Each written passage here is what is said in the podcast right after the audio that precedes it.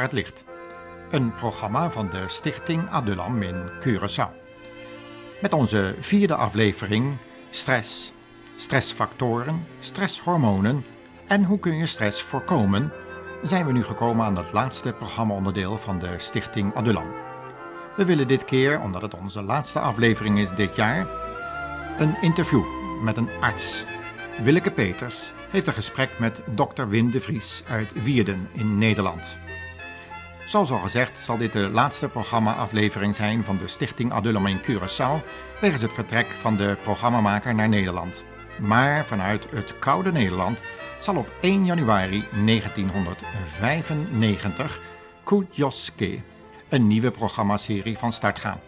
Op Radio Curaçao FM 101.1 om 12 uur s'nachts zondags 1 januari. Dus de luisteraar die deze programmaserie gewend is om te beluisteren, kan dan weer terecht 12 uur in de nacht bij de afsluiting van de programmaonderdelen van Radio Curaçao en dan zult u weer ons in de ether horen. Maar dan vanuit Hilversum, de studio's van Transwoord Radio via Radio Curaçao FM. Wij wensen de luisteraar veel luistergenoegen met het interview van Willeke Peters met dokter Wim de Vries uit Wierden in Nederland. Een programmaonderdeel in samenwerking met de Evangelische Omroep in Nederland en Transwoord Radio Europa.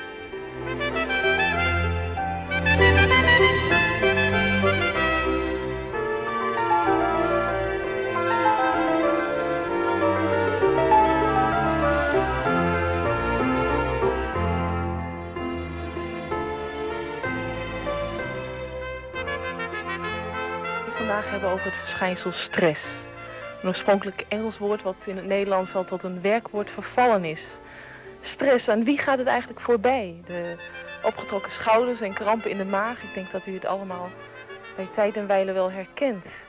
En of we het nu hebben over de kassajuffrouw bij de supermarkt... of over de snelle jongen in zijn leaseauto op de A8... of op de moeder die er vannacht twee keer uit moest vanwege een huilend kind... en vandaag ook nog op de kinderen van de buren zou passen zou het aan een van hen voorbij gaan.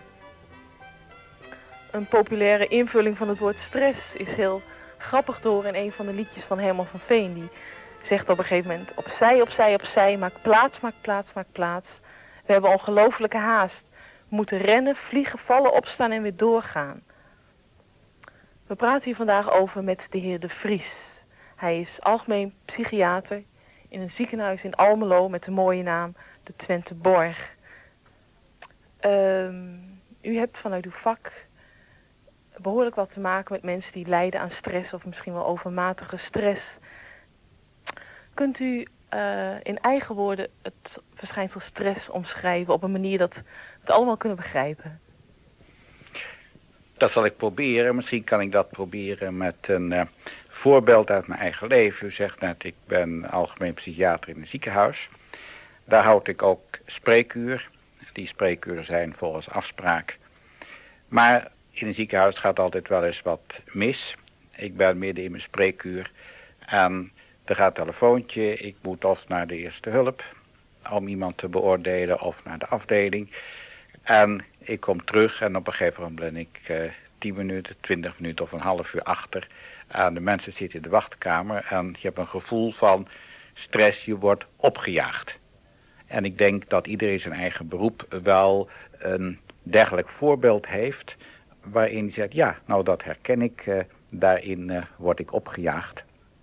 Wanneer we het hebben in onze taal over stress... dan denken we altijd aan een stuk extra belasting... Hè, die ons in het leven tegenkomt. Maar we moeten niet vergeten dat een normaal stuk spanning er eigenlijk in het leven is... Zou je geen spanning hebben, dan zou je in een hutje op de hei moeten zitten en helemaal niets doen. Maar dan heb je nog de spanning voor je levensonderhoud. Een normale uh, spanning is er om de kleur aan het leven te geven. Wanneer we over stress praten, dan gaat het over hoe gaan we om met stress en in welke mate gaat de stress ons te veel belasten. worden we overbelast door de stress. En hoe gaan wij eigenlijk hè, daarmee, uh, daarmee om, hè, met de spanningsverschijnselen hè, in, het, uh, in het leven. Nou, een voorbeeld, een uh, directeur van een fabriek of een hoofd van een afdeling, die vindt dat die afdeling alleen maar op zijn schouders rust. En die zegt van, ja, als ik er niet ben, dan gaat het mis. Dus het gevolg is dat, ja, hij nooit weg kan zijn.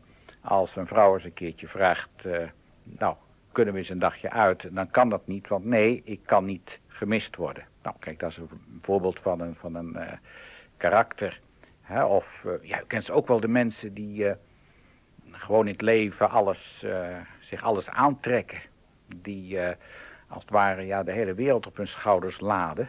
En dat hoor je als ze naar de televisie kijken en al het leed zien, dan trekken zich dat aan en hebben het gevoel van ik moet daar een oplossing aan besteden. En daarmee krijg je dus een, ja, een extra soort, ja, een extra belasting wanneer uh, bijvoorbeeld een, bij, bij de dieren een dier in het uh, bos in gevaar is, dan komt die onder stress. Zijn lichaam gaat dus reageren. En die stress heeft eigenlijk het gevolg dat hij gaat vluchten. Hij taxeert de situatie. Er komt er voor hem meer gevaarlijk beest aan en hij vlucht weg. Of hij gaat vanuit die stress vechten. Dus in wezen is het een aanzet hè, om iets te gaan doen. En dat bepaalt ook bij de mensen. Je kunt de mensen ook indelen in, in vechters hè, en vluchters. Mensen die altijd maar tegenaan vechten. En mensen die altijd wegvluchten. En zijn de uiterste hè, nooit, nooit goed. En het gevaar ligt dan eigenlijk hè, in de uiterste. Kan het zijn dat stress niet alleen van de buitenkant op ons afkomt, de omstandigheden waar we in verkeren, maar ja, ook van binnenuit, uit je, uit je gedachtenwereld, uit je gevoelenswereld. Uh, ja, wanneer je zo ingesteld bent, dat, laat ik zo maar zeggen, je in het normale leven altijd leven en beren hè, op, de, op de weg ziet. En de, nou zeggen, of het spreekwoord zegt het al, je maakt van een mug een olifant. En uh, daardoor wordt eigenlijk het gevaar hè, steeds, uh, steeds groter. En ik dacht dat er ergens in spreuken staat van... Uh, vangt ons de vossen, de kleine vossen die de wijngaard bederven. En dat kunnen vaak van die kleine gedachten zijn die een mens bezighouden. En die gewoon het leven bederven terwijl het eigenlijk niet nodig is. is, het, is het te voorkomen, stress? in het leven en de wereld waarin we zijn, is het niet te voorkomen dat je onder, uh, onder stress komt. ten eerste ben ik van mening dat wanneer je s'avonds van je werk thuis komt, je gaat nog eens om acht uur voor het journaal zitten. Um, je wordt ja, bekendgemaakt met het leed van de hele wereld, alle oorlogen en alles wat je ziet. Dan vormt dat op zich een extra stress en is eigenlijk... Uh, weinig ontspanning. Dus het leven in de wereld betekent hè, het leven hè, met stress, met allerlei dingen die, uh, die om je heen gebeuren. En dat is, uh, ja, dat is niet te voorkomen. En wij hebben een stress dus op, op hoger niveau. Dus ik bedoel de, de stress wat u zegt van het rijden op een autoweg, uh, op het werk, de drukte productie die klaar komt. maar bijvoorbeeld in Afrika zie je een stress op veel lager niveau... Uh, waar het gaat om de eerste levensbehoeften. Dus de stress wanneer er geen eten is en het uitzien van wanneer, wanneer komt er eten. Of het uitzien wanneer komt er regen en gaat de, gaat de droogte over. Dus dat is net zo goed stress waarin we leven. Nou laat ik een algemeen voorbeeld noemen waar ik een stukje stress uh, gezien heb. er is op een aantal jaar geleden is de basisschool gekomen, kleuterschool en lagere school, die gingen samen in één. Vroeger had je dus kleuteronderwijzeressen, die moesten een, uh, een cursus volgen. En met de basisschool werden ze ook gewoon een leerkracht. En op een gegeven moment zie je dat een uh, kleuteronderwijzeres wordt adjunct-directrice van een basisschool. Uh, geeft enorm veel stress, ze komt met problemen waar ze nooit mee in aanraking geweest is. Of um, ja, de juffrouw die altijd met kleintjes van 4 tot 6 gewerkt heeft, wordt eens geplaatst in een klas van 8 of 9-jarigen. Nou, en daar heb ik gezien dat dat voor sommigen enorme stress betekent.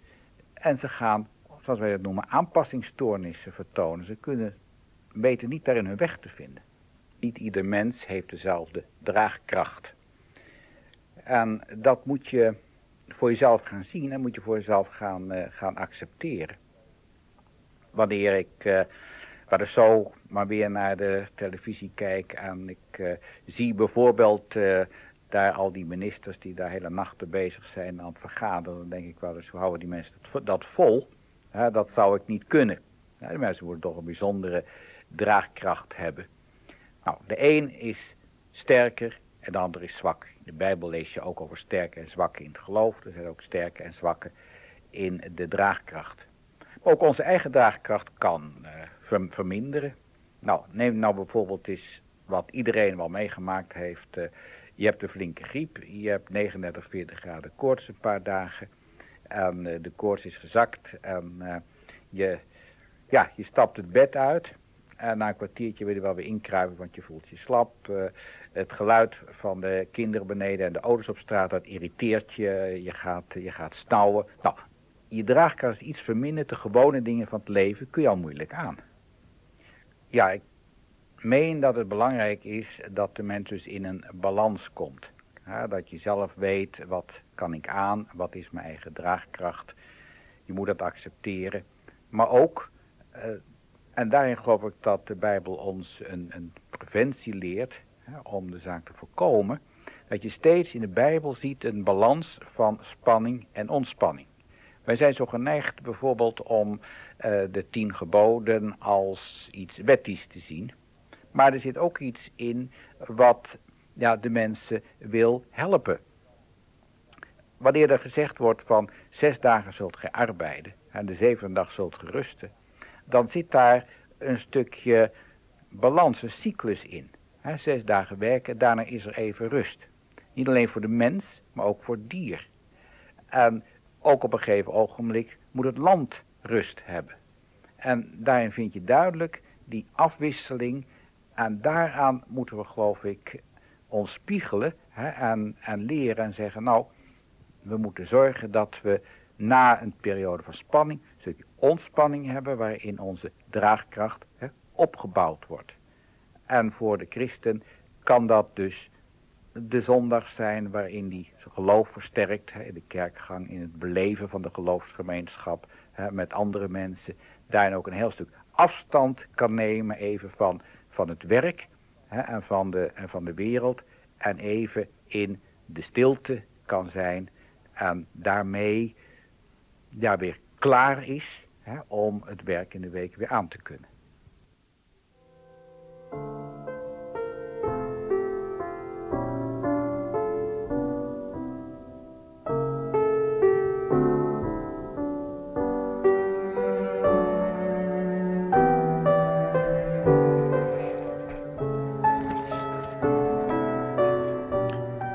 Dit was het laatste programma van de Stichting Adulam over stress en stressverwerking. En we besloten met een interview van Willeke Peters van de Evangelische Omroep in Hilversum, Nederland, met psychiater Dr. Wim de Vries uit Weerden. Deze programma's werden u aangeboden door de Stichting Adulam. God zegen u.